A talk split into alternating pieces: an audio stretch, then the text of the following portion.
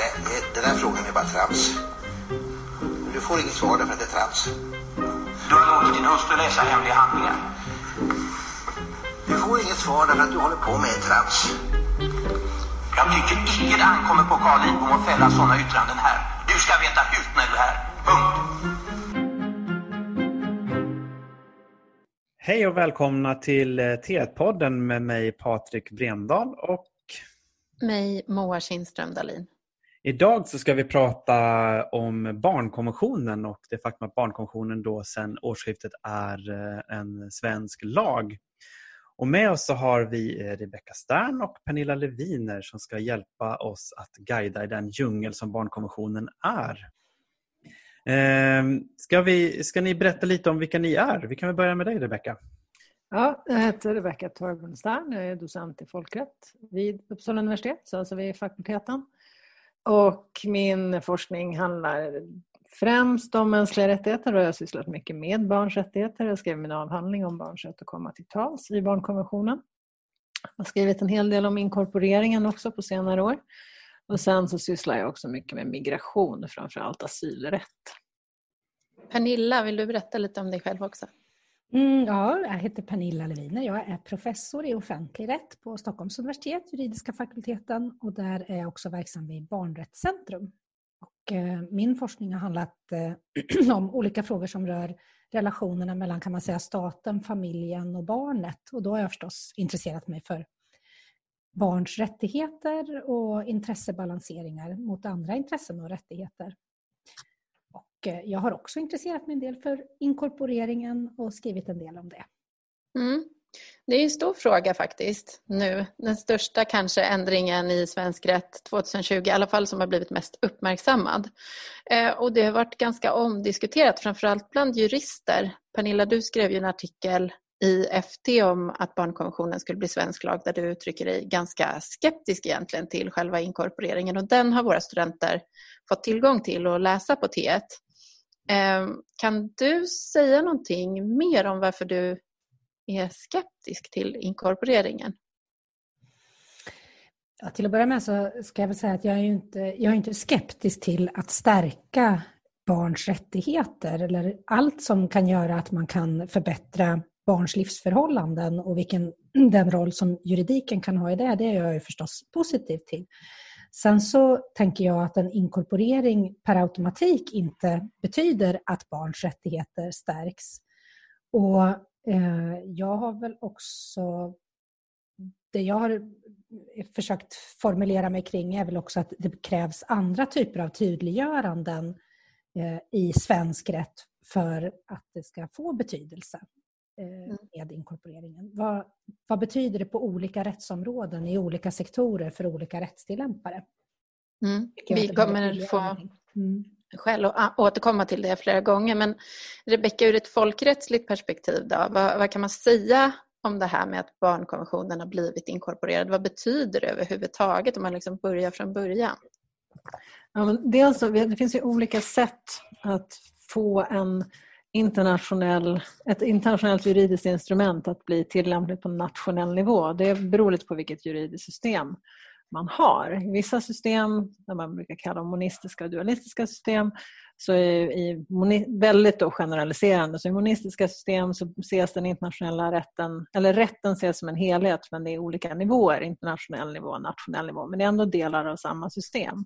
Så när ett land har ratificerat, alltså blivit bundet av en folkrättslig konvention så blir den också ehm, tillämplig på nationell nivå. Men i dualistiska system, återigen, jag generaliserar, så ser man det som två olika system. Ett nationellt rättssystem och ett internationellt rättssystem. Och där måste det ske någon form av eh, en handling som tar den internationella rätten in i den nationella rätten.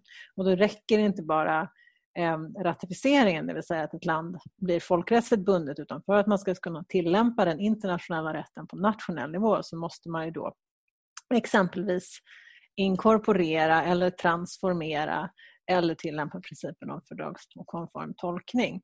Och I Sverige så har vi ju inte, ehm, vi har ratificerat ett stort antal folkrättsliga konventioner både på MR-området och på andra. Ehm, men vi har än så länge bara inkorporerat två stycken konventioner på området rättigheter och det är ju Europakonventionen eh, och sen så är det ju barnkonventionen från och med nu. Och det innebär ju att eh, konventionen ska kunna tillämpas eh, direkt på nationell nivå i svenska domstolar och användas av svenska myndigheter. Sen finns det olika diskussioner, eller det finns en diskussion om vilka artiklar som blir som faktiskt kan användas mm. direkt i den svenska domstolen exempelvis. Så det lär vi komma in på. Ja, det gör vi. Men du nämnde ja. flera olika begrepp. Eh, som mm. jag gärna vill att du berättar lite mer om. Du nämnde transformering. till exempel. Transformering är det vanligaste sättet, eller det sätt som man oftast använder i Sverige. Att den, man har den folkrättsliga förpliktelsen, alltså den internationella konventionen som Sverige är bundet av som stat. Och sen så skriver man om delar av den eller hela. Ja, det tror jag, kommer jag inte riktigt ihåg om det har hänt. Men man tar centrala delar och skriver om och gör till svensk rätt, inkorporerar eller gör till del av redan existerande svensk lagstiftning. Eller skriver en ny bestämmelse om det skulle behövas. Då är väl när det gäller barnkonventionen så är ju eh, principen om barnets bästa och barnets rätt att komma till tals två sådana artiklar som ju verkligen har transformerats in i svensk lagstiftning, skrivits om och förts in i socialtjänstlagen och utlänningslagen etc. Eh, och det är det vanligaste sättet, att man så att säga har den folkrättsliga förpliktelsen men gör om den till nationell rätt. Mm. Fördragskonform tolkning innebär att den svenska, eh, den svenska lagstiftningen ska tolkas i linje med den folkrättsliga förpliktelsen, alltså, eller i ljuset av, som man ofta säger. Så man kan inte tolka en svensk regel helt på tvärs med en eh, konvention som Sverige har förbundit sig att, eh, att följa. Eh, och då finns det också ett utrymme, ett tolkningsutrymme där, vad, som, vad det innebär att tolka fördragskonformt och hur nära den folkrättsliga förpliktelsen man måste lägga sig.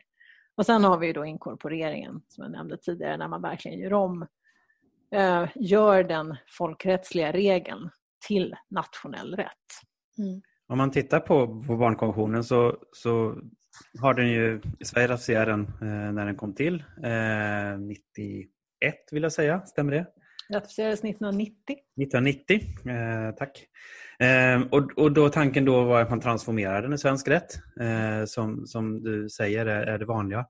Var, varför valde man nu då att inkorporera den? Vad, var, var det mervärde man ville åt med att inkorporera istället för bara transformera? Ja, om jag börjar, eh, Pernilla, så får du fortsätta. Alltså, när, man, när vi ratificerade konventionen, och när, när man ratificerar en, en folkrättslig konvention så ser man ju över den svenska, eller den nationella lagstiftningen för att se om det behövs göras förändringar ratificeringar. Och vid ratificeringen så var det enda, den enda punkten där det upplevs, eh, som att det fann, upplevdes som att det fanns en osäkerhet var en artikel som handlade om förvar, eller berörde frågan om förvar. Om, man skulle ha, om barn och vuxna skulle kunna ta sig, vistas i samma eh, ska säga, lokaler.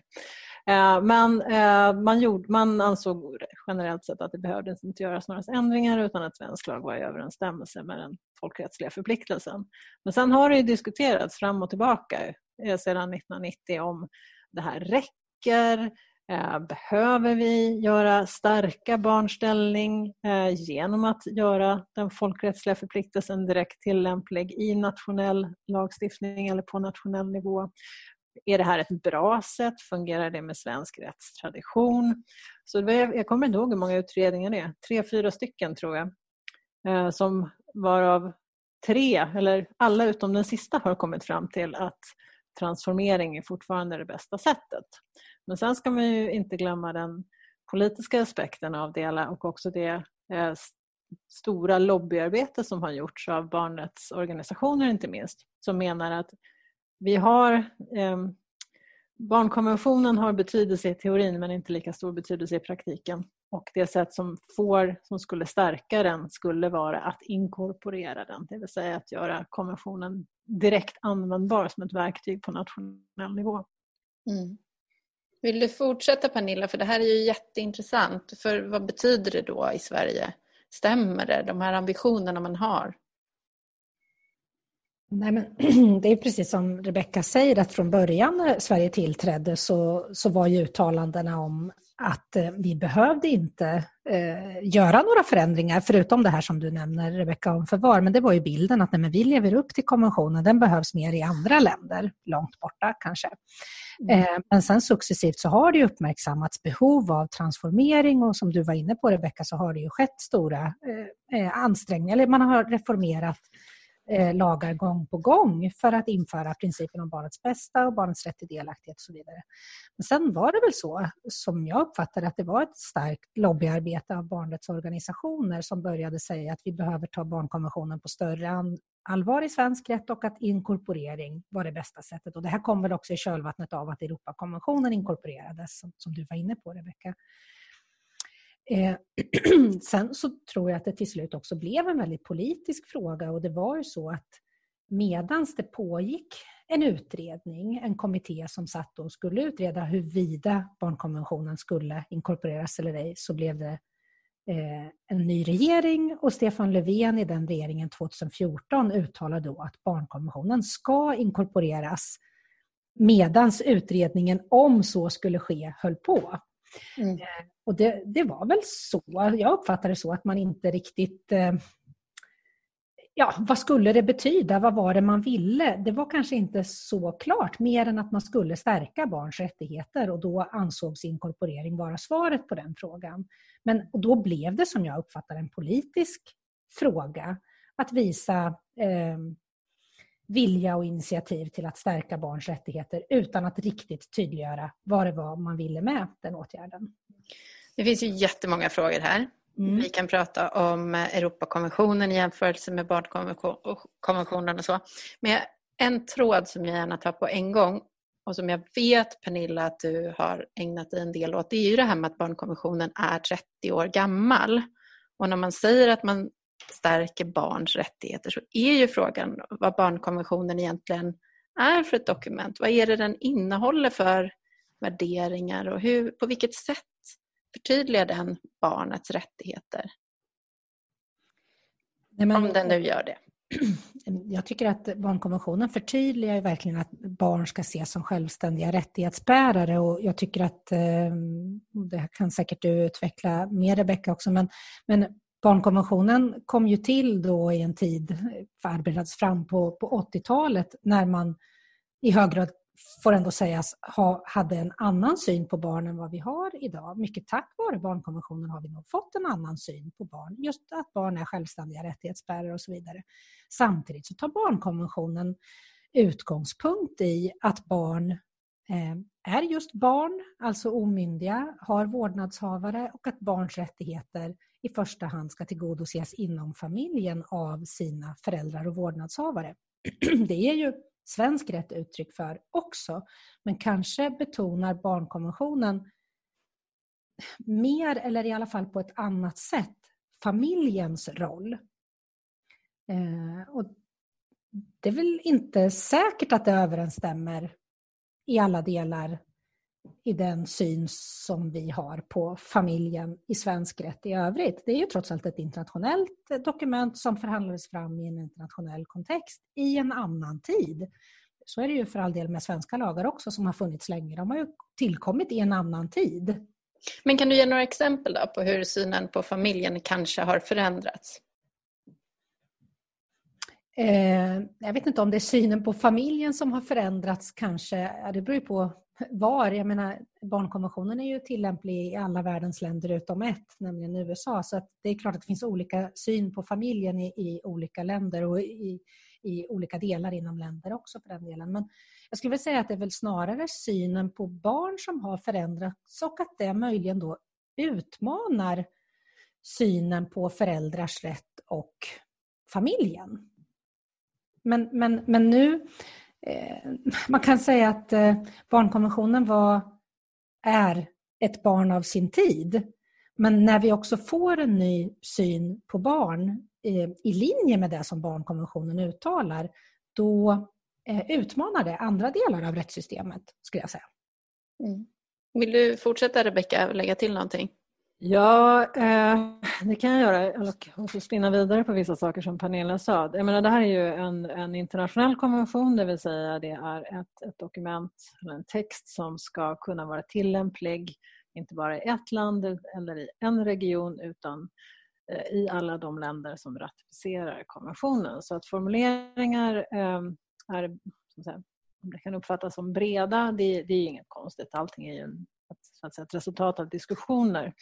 Eh, när barnkonventionen kom 1989 så var den ju ett resultat av ett arbete under tio år eh, med själva konventionstexten men också ett arbete som byggde på hela utvecklingen av barnrättsdiskursen under 1900-talet. Och då när den kom så var den eh, väl, nyskapande skulle jag säga på väldigt många sätt och framförallt i det att den då framhöll barnet som en rättighetsbärare.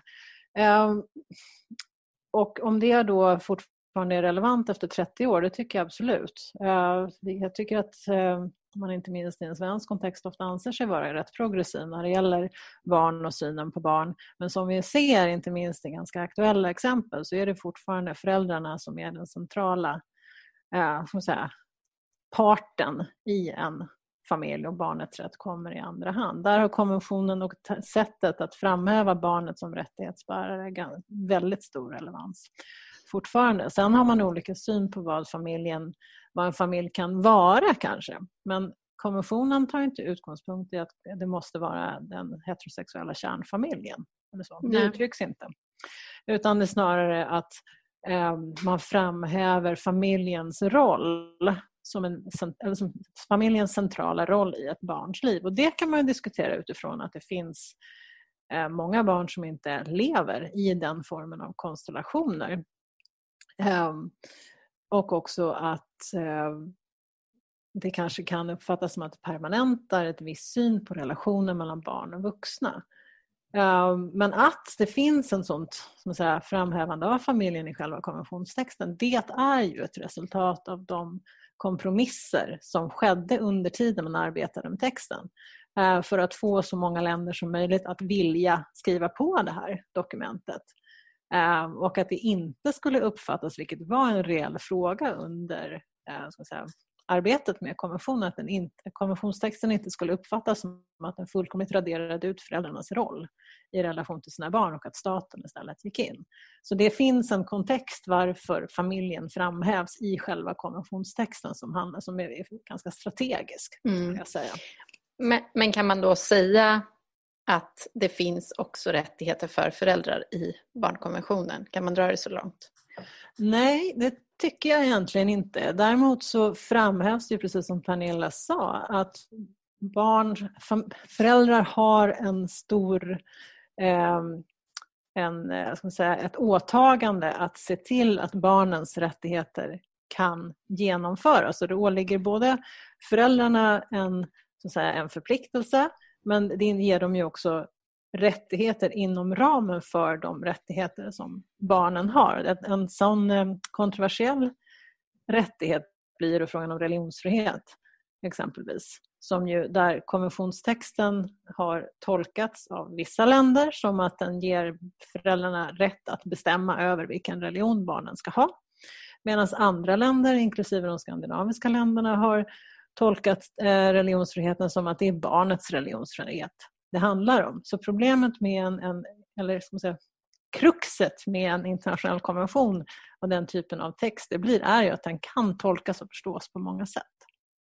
Anser ni att det, man pratar om, begrepp, om hur man ser på barnet och familjen i barnkonventionen, anser ni att det finns en konflikt mellan synen som finns i barnkonventionen och den syn som finns idag i svensk rätt? Att det på det sättet kan bli en konflikt mellan barnkonventionen och, och den nationella rätten?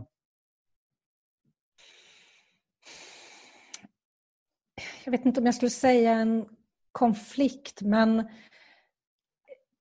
jag menar på, på det området som jag har forskat inom socialrätten och frågor om den sociala barnavården och när barn ska omhändertas eller när barn ska återförenas med, med eh, sin, sin grundfamilj och så vidare, så det är klart att det är ju samma balansering i barnkonventionen och i svensk rätt att barn ska inte skiljas från sina föräldrar annat än när barn verkligen behöver skydd och när det är till barns bästa. Och på samma sätt så betonar barnkonventionen återförening. Det gör det ju för övrigt på migrationsområdet också. Men om jag tänker i den sociala barnavården att, att barn ska inte skiljas från sin, sin familj och föräldrar annat än i absolut eh, nödvändigaste fall och inte längre än vad det behövs. Och så. Det, det är ju samma balansering men sen tar det sig, jag har ju lite intresserat mig för då hur det tar sig uttryck då i svensk rätt och barnkonventionen där det kanske är och Det har ju att göra med hur vår välfärdsstat är uppbyggd i Sverige, att vi kanske inte betonar på samma sätt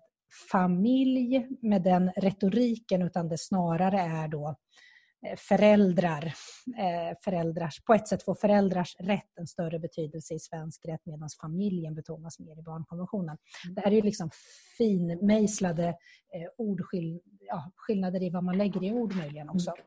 Men, men jag skulle inte säga att det är en konflikt mellan barnkonventionen och svensk rätt utan det är samma typ av balansering men att den ta, kanske tar sig uttryck på lite olika sätt.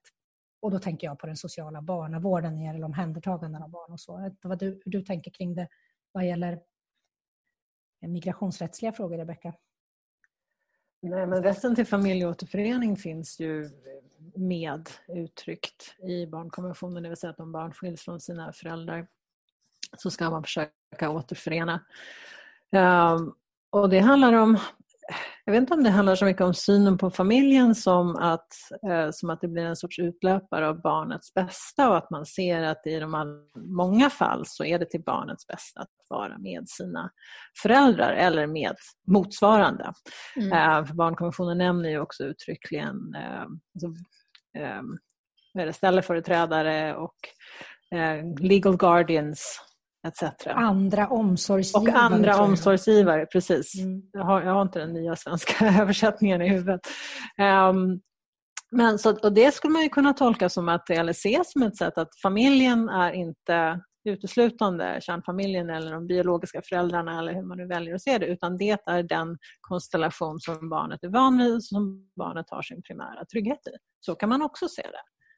Ja, ja. men den här frågan tycker jag kopplar jättemycket till eh, det här fallet med Lilla hjärtat som flickan har kallat som blev dödad av sina föräldrar efter att hon hade först varit tvångsomhändertagen i stort sett hela sitt liv, nästan tills hon blev tre år gammal och sen återförenades med sina biologiska föräldrar som hon inte kände särskilt väl, eller kanske inte alls. Ehm, och det har väckt väldigt stor debatt för frågan var ju om det verkligen kunde ses som hennes bästa att skiljas från den familj som hon uppfattade som sin familj. Eh, Pernilla, vad, vad, kan man säga om det? Hur kunde det bli så i det fallet? Många har ju undrat det. Mm. Ja, och här handlade det just om det. det var, den här flickan var omhändertagen med stöd av LVU, alltså lagen med särskilda bestämmelser om vård av unga.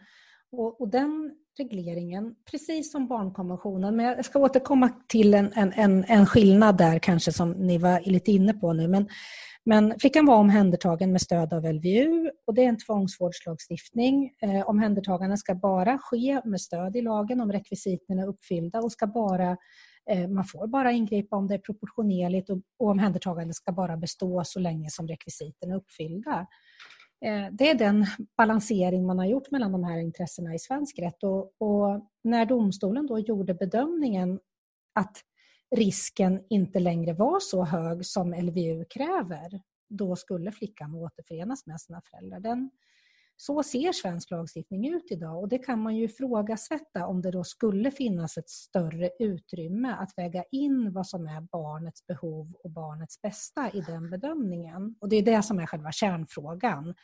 Eh, om det skulle finnas en sån större eh, möjlighet i svensk rätt idag.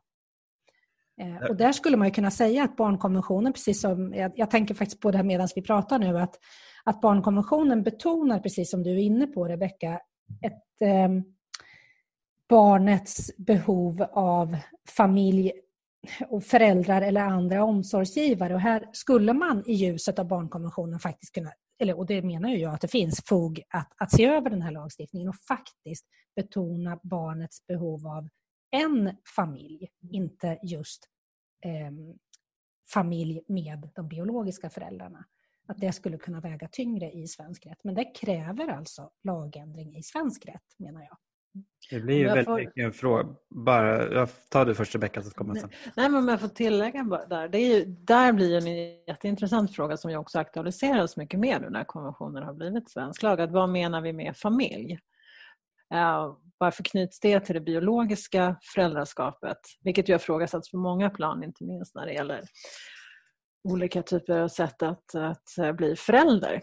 Ehm, men om det handlar om, som jag menar, ehm, eller som jag tänker mig att man skulle kunna se det, att om det handlar om familj som den primära liksom, trygga punkten, då har inte biologin en, som per definition så mycket med det att göra, som i det här fallet. Den, eh, den konstellation som den här flickan betraktade som sin familj var inte de biologiska föräldrarna. Så skulle man också kunna se det. Mm. Uh, och det är ju någonting som man kanske inte tänkte på i första hand när barnkonventionen skrevs. Men, det, men konventionen måste ju tolkas i takt med sin tid. Uh, precis som alla andra folkrättsliga instrument, och framförallt konventioner om mänskliga rättigheter. Det blir en dynamisk tolkning, det handlar om en ändamålsenlig tolkning. Det är så traktatsrätten fungerar. Mm. Uh, och det blir i relation till med, i, alltså det är en kontextbaserad tolkning. Men om jag bara får tillägga en sak som gör också att det här, är, det här kan ta sig olika uttryck i olika länder i olika tider men också i samma tid. Det är intressant att se att i Norge just nu så pågår en diskussion, en, väldigt, en, en häftig diskussion får man säga utifrån att Norge har granskats i Europadomstolen återkommande där frågan faktiskt har varit, eller ja, risken, eh, debatten har varit det omvända. Att alltså norska myndigheter, bar, Barnevärnet som det heter, motsvarande socialtjänsten, har ingripit så att säga för mycket och inte låtit barn återförenas med sin grundfamilj. Mm. Och där Norge då har fått eh, kritik på olika sätt, eh, inte minst genom olika Europadomsfall. Så att, är det artikel 8 de hänvisar till då eller? Till föräldrarnas fördel eller vad man ska säga? Ja, det kan man säga. Och det, I Norge finns det en annan möjlighet med adoption och vårdnadsöverflyttning eh, tidigare mer ingripande än vad som finns i svensk rätt. Så där har, ja, man kan bara se att diskussionen förs på olika sätt eh, och det finns faktiskt tillbaka i tiden så finns det flera fall i Europadomstolen eh, som har gällt Sverige där, där på något sätt resultatet har varit det motsatta. Där man tycker att socialtjänsten mm. har ingripit för mycket, för länge, för kraftfullt. Mm. Jag känner här, det finns många frågor här som handlar just om vilken ställning barnkonventionen har i förhållande till annan svensk rätt. Eh, och till skillnad om vi jämför med Europakonventionen som ju har ett, ett, ett skydd även i, i grundlagen så har ju inte barnkonventionen motsvarande. Så hur ska barnkonventionen tolkas? Hur ska, liksom, hur ska man förhålla sig till barnkonventionen i, i rätten?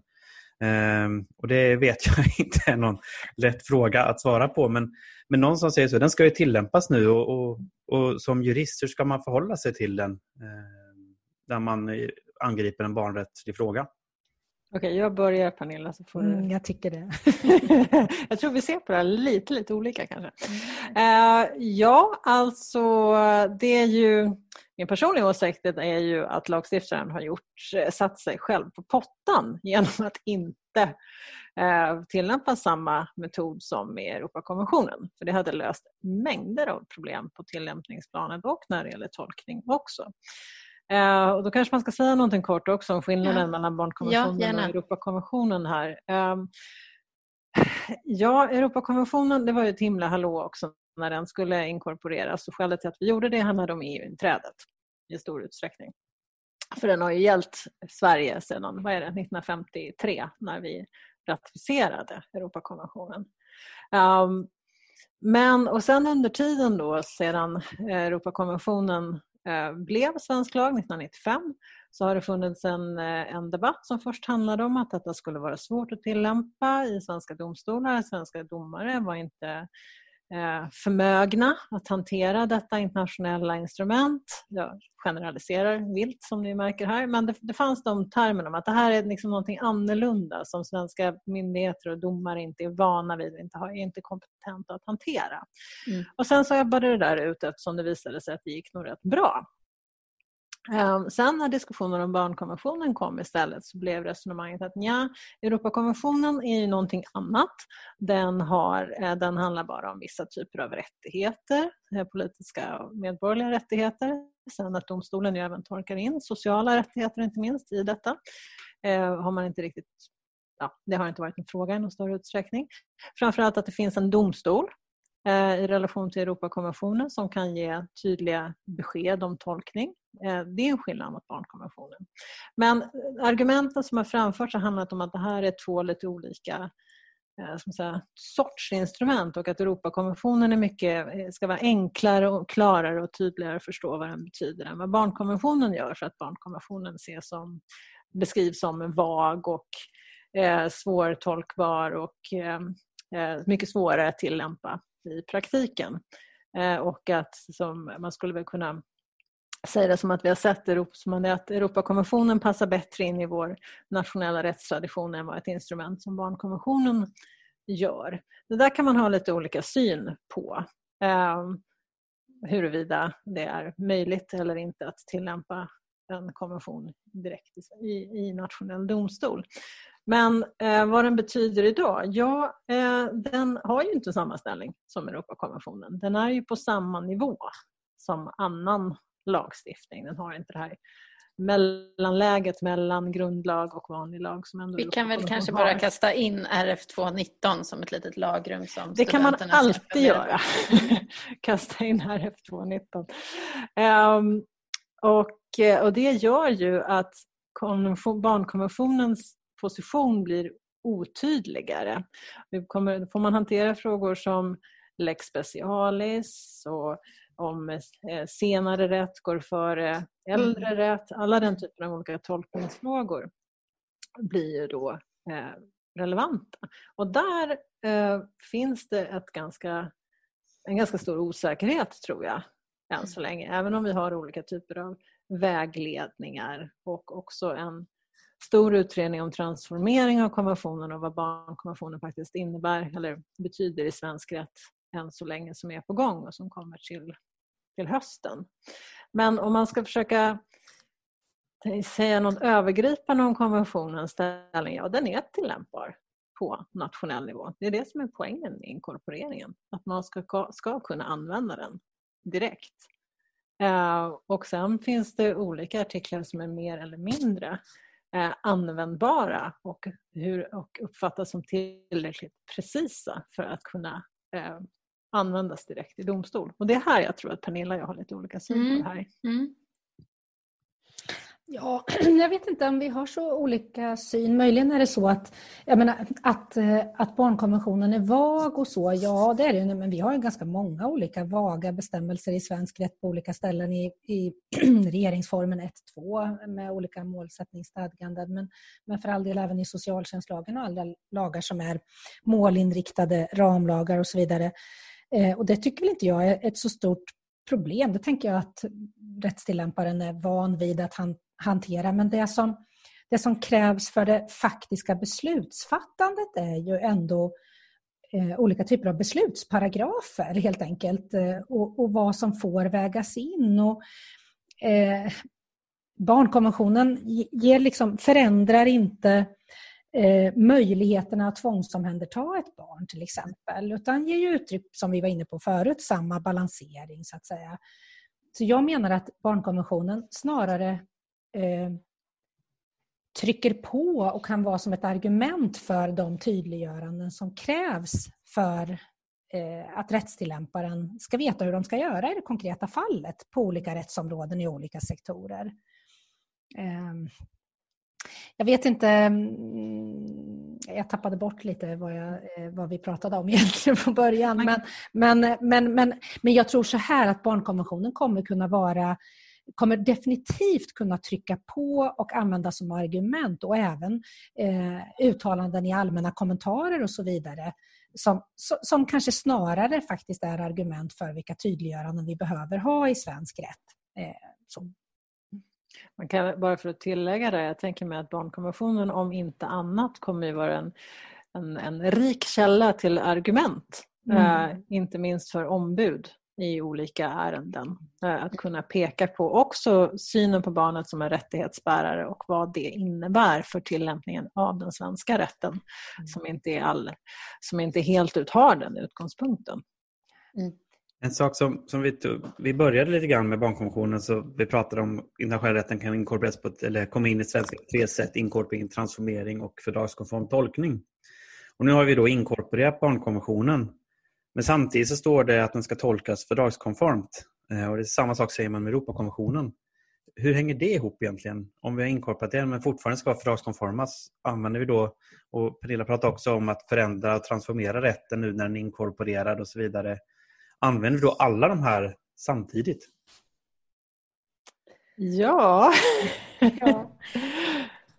Ja, jag tänker att så måste det väl vara. Men, men det är klart att det, att vi, vi ska tolka svensk rätt i ljuset av barnkonventionen eh, fortfarande. Och det, det, är väl fördragskonformt. Då. Eh, sen kan vi använda barnkonventionen som svensk lag som argument för hur man eh, Eh, kan resonera i ett socialtjänstärende eller i bestämmelser enligt skollagen. Och det är klart att det är ju lite annorlunda. Att vi brukar ju liksom inte läsa socialtjänstlagen i ljuset av barnkonvention eller, eller i ljuset av skollagen till exempel. Men där får vi ju en annan lag som har en annan karaktär och som kan ge argument. Och då är det klart att då spelar det väl ingen roll om det är i enlighet med den fördragskonforma eller i liksom rättssystemets koherens på det stora hela. Eh, men sen blir det väl en annan fråga. Har, det, Eh, har källorna som så att säga hör till barnkonventionen som allmänna kommentarer från FNs barnrättskommitté, får de en annan betydelse när vi har inkorporerat? Nej, egentligen inte. Jag vet inte. Vad tänker du om det, Rebecka? Nej, alltså egentligen inte. Vi har ju, det är ett annat, en annan uppbyggnad när det gäller internationella konventioner. Förarbeten exempelvis är inte alls lika betydelsefulla i folkrätten som de är i svensk nationell rätt. Det är snarare som en sorts historiska dokument där man kan se ungefär hur man tänkte men det är inte samma tyngd som det är i en, en svensk proposition exempelvis. Men jag tänker mig med det här med eh, den fördragskonforma tolkningen samtidigt som vi har konventionen, barnkonventionen som svensk lag. Ta exemplet utlänningslagen där ju principen om barnets bästa har transformerats in i eh, 1.10 i barnkonventionen. Um, och också i, och där rätten att komma till tals har transformerats in i 1.11 i utlänningslagen. Uh, och om jag inte minns fel, nu har jag inte lagtexten bredvid mig, men enligt 1.11 så ska barnet höras om det inte, ja, om det inte eh, det är det, uh, om det inte finns skäl som talar däremot, ungefär. Uh, det är, om man ska tolka den den formuleringen, som också har fått kritik från Barnrättskommittén, ska, ska tilläggas.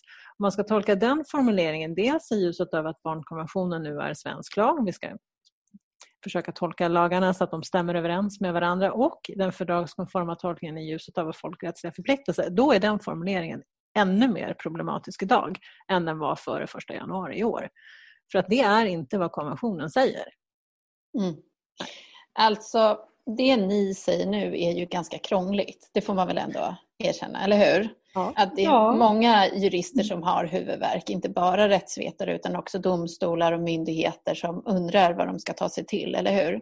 Mm. Mm. Så om alla på första terminen på juristprogrammet har lite svårt att hänga med i dessa komplexa resonemang så är det helt rimligt, eller hur? Ja, absolut. Ja. Det är väl så att vi, vi svävar lite i ovisshet och att det får visa sig. Det, och det, ja, det får man väl säga att det är ändå en uttalad strategi från lagstiftarens sida att man har lämnat till rättstillämparen att uttolka vad det ska betyda. Mm. Så är det. Så vi svävar i lite osäkerhet. Mm. Mm. Men för att byta lite grann ämne men ändå hålla kvar temat. Jag är ju intresserad eller forskar om eh, Eh, personer med nedsatt beslutsförmåga om man ska tala i sådana termer. Precis som barn i någon mening inte anses vara tillräckligt kompetenta för att fatta alla beslut på egen hand. Så finns det ju andra människor i samhället som har svårt att fatta beslut om hälso och sjukvård eller om sina pengar eller sådana saker. Det finns olika institut med gode män och förvaltare och det finns tvångsvård inom psykiatrin i vissa fall och så. Men då har det ju kommit en konvention en, från FN, konventionen om rättigheter för personer med funktionsnedsättningar, eh, som inte är inkorporerad. Men den rörelsen som arbetar för personer med funktionsnedsättningar och deras rättigheter eh, vill ju hemskt gärna att den här konventionen också ska bli svensk lag nu. Har ni någon tanke om det? Hur, hur ska vi se på det här med att börja inkorporera FN-konventioner i större utsträckning? Är det någon av er som har en tanke om det generellt? Jag tänker mig att alltså det är ju också Barnkonventionen är ju som vi redan har nämnt här, den är 30 år gammal nu vilket också innebär att den är formulerad på ett visst, på ett visst sätt. Eh, funktions, eh, eller konventionen om med personer med funktionsnedsättningar är ju en, en nyare konvention. Den som, nyaste kan man väl den säga. Den nyaste, precis. Eh, som också är formulerad, om jag kommer ihåg rätt, ännu tydligare ur ett rättighetsperspektiv. Mm. Mm. Ehm, och eh, det är ju möjligt då att även en fördragskonform tolkning av den konventionen, en, en fördragskonform tolkning på riktigt, så att säga, att man faktiskt verkligen använder sig av den konventionen. Jag ser Patrik fnissar här i bakgrunden. Vi är på eh. Zoom och spelar in kan vi ju lägga till då också, att vi ser eh, varandra. Ja. Eh, det skulle ju kunna innebära att den konventionen faktiskt skulle kunna ha ett större genomslag som läget är idag, alltså redan nu utan en inkorporering eftersom den är tydligare, skulle jag säga, på många, på många sätt än vad äldre konventioner är. Det, finns ju, det sker ju en utveckling. När man formulerar en konventionstext så tittar man ju bakåt på hur man har gjort tidigare och mm. lär sig av det. Ehm, så det är en sak. Ehm, att inkorporera den typen av, av, av konvention, en nyare MR-konvention som har detta eh, säga, ännu tydligare rättighetsperspektiv, eh, kanske skulle vara effektivt för att genomföra, eh, genomdriva rättigheter för den gruppen det berör. Jag tror dock eh, att det skulle kunna innebära en större krock kanske med den svenska lagstiftningen mm. vid en inkorporering. Därför att i mångt och mycket så är inte den den svenska lagstiftningen har ett rättighetsperspektiv i delar men inte... Rebecka, jag måste bara påminna dig om ja, mikrofonen. Tack. Nej, jag tänker mig att den svenska lagstiftningen utgår inte alltid från rättighetsperspektivet enbart, precis som, som konventionen gör. Och därför skulle det kunna bli eventuellt en större krock om man försöker inkorporera konventionen och använda den direkt i en svensk kontext. Men det är en spekulation från min sida. Mm, mm. För också en fråga som är intressant här, det är ju i vad mån de här konventionerna gör att personerna som eh, omfattas av dem verkligen kan realisera eller utkräva sina rätter i större utsträckning. Och här får man ju jämföra med EKMR en gång till, att det finns en domstol kopplad, Europadomstolen, till EKMR, men inte till barnkonventionen. Och det skulle du inte göra heller till CRPD. Det finns ingen domstol kopplad till den konventionen. Så vad gör man då? Hur funkar det här med folkrätt? Jag ställer väl frågan till Rebecka igen. Eh, hur utkräver man rättigheter folkrättsligt som inte kan prövas av en domstol, till mm. exempel Europadomstolen? Om man tar exemplet barnkonventionen då, där vi har en, eh, en övervakningskommitté inom ramen för FN-systemet, precis som med alla andra eh, konventioner om mänskliga rättigheter inom FN-systemet. En övervakningskommitté som ehm, det finns ett särskilt tilläggsprotokoll till barnkonventionen som gör att man numera kan ge in individuella klagomål om hur det, ett land har tillgodosett ens rättigheter enligt konventionen. Och det här protokollet har inte varit i kraft så länge, det är sedan 2014 om jag kommer ihåg rätt. Och det ska väl nämnas i sammanhanget att Sverige har inte ratificerat detta protokoll än. Eh, och då, vad man kan göra som enskild är att efter man har gått igenom den nationella rättsprocessen, alltså försökt utkräva sina rättigheter, på nationellt plan kan klaga till kommittén eh, som då tar upp frågan eh, om alla villkor är uppfyllda och ger ett utlåtande huruvida det har skett en rättighetskränkning. Det här är inte bindande för konventionsstaten men har ändå, om man ser på hur det har fungerat för andra såna här övervakningskommittéer, en ganska stor eh, inverkan på så sätt att länder vill inte framstå som länder som eh, systematiskt kränker rättigheter för vissa grupper eller för vissa eh, individer. Så det har en påtryckningseffekt. Mm. Men det är ju inte bindande på samma sätt som en dom från Europadomstolen. Och det är också detta som har varit en del av diskussionen om vilken här, vilken vikt ska man tillmäta de här utlåtandena från kommittéer respektive relation, om man jämför med Europadomstolen exempelvis. Mm, mm. Vi ska alldeles strax eh, avsluta men en annan väldigt uppmärksammad fråga har ju varit Sveriges ansvar för barn som är, eh, inte vistas i Sverige men som kanske i någon mån tillhör Sverige, alltså det vi ibland har kallat för IS-barnen. Hur ska man se på det? Vill du kommentera det på något sätt Pernilla? Vad kan man säga om det? Har Sverige ansvar för de barnen som inte är här hos oss?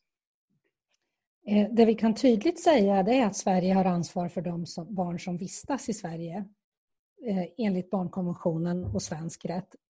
Sen om svenska myndigheter eller om, om, om det finns ett ansvar för Sverige att agera för barn som på något sätt har en koppling till Sverige eh, utomlands. Eh, det handlar ju dels handlar det om, om, om svenska myndigheter har jurisdiktion, alltså om man har möjlighet att ingripa utomlands. Och, eh, du får rätta mig om jag har fel, Rebecka, utifrån ett folkrättsligt perspektiv. Men jag menar, folkrätten bygger ju på ett slags accepterande om att stater eh, bestämmer över sitt eget territorium. Ja. Eh, och vi är inte så sugna på att andra länder ska intervenera på vårt territorium.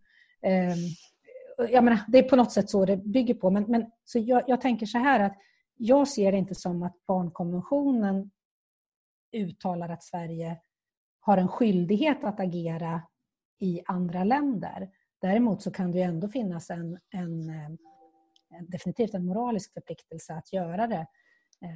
Och eh, det gör ju svenska myndigheter. Sociala myndigheter agerar till skydd för barn som vistas utomlands för att ta hem barn till exempel. Det har funnits sådana fall när man faktiskt har aktiverat då, till exempel via svenska beskickningar och så.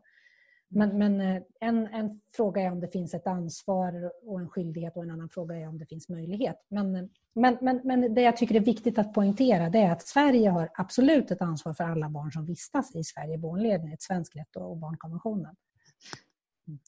Mm. För att tillägga där, det är ju, eh, Pernilla har helt rätt i det att det, är, det, barnkonventionen gäller ju för en konventionsstat Eh, i relation till dess, till jurisdiktion. Det är alla, alla barn inom jurisdiktionen som ofta men inte alltid motsvaras av territoriet. Ehm, sen är det väl också frågan om huruvida vad man menar med barn som har anknytning till Sverige. Om det handlar om barn som är svenska medborgare eller barn som på något sätt kan antas ha någon form av anknytning till Sverige. Och gäller det medborgare så finns det större eh, skyldigheter att bidra och att hjälpa än om det är barn som, som inte är, är medborgare i det här fallet. Men Sverige kan inte agera med, på andra länders territorium enbart med stöd av exempelvis barnkonventionen. Det, det, det, den möjligheten finns inte. Nej. Men sen vill jag också betona som, som Pernilla just sa, att det är en fråga, det är skillnad på vad man kan göra, vad man bör göra och vad man vill göra. Mm. Tack så mycket. Det finns verkligen hur mycket som helst att grotta ner sig i när det gäller de här frågorna som, som vi märker. Men eh, det börjar bli dags för oss att avrunda. Eh, och jag vill tacka Rebecka och Pernilla för att ni har tagit er tid att, diskutera de här frågorna med oss. Eh, Tack så mycket. Tack för att ni kom. Tack. Och så Tack. säger vi hej då till alla som lyssnar.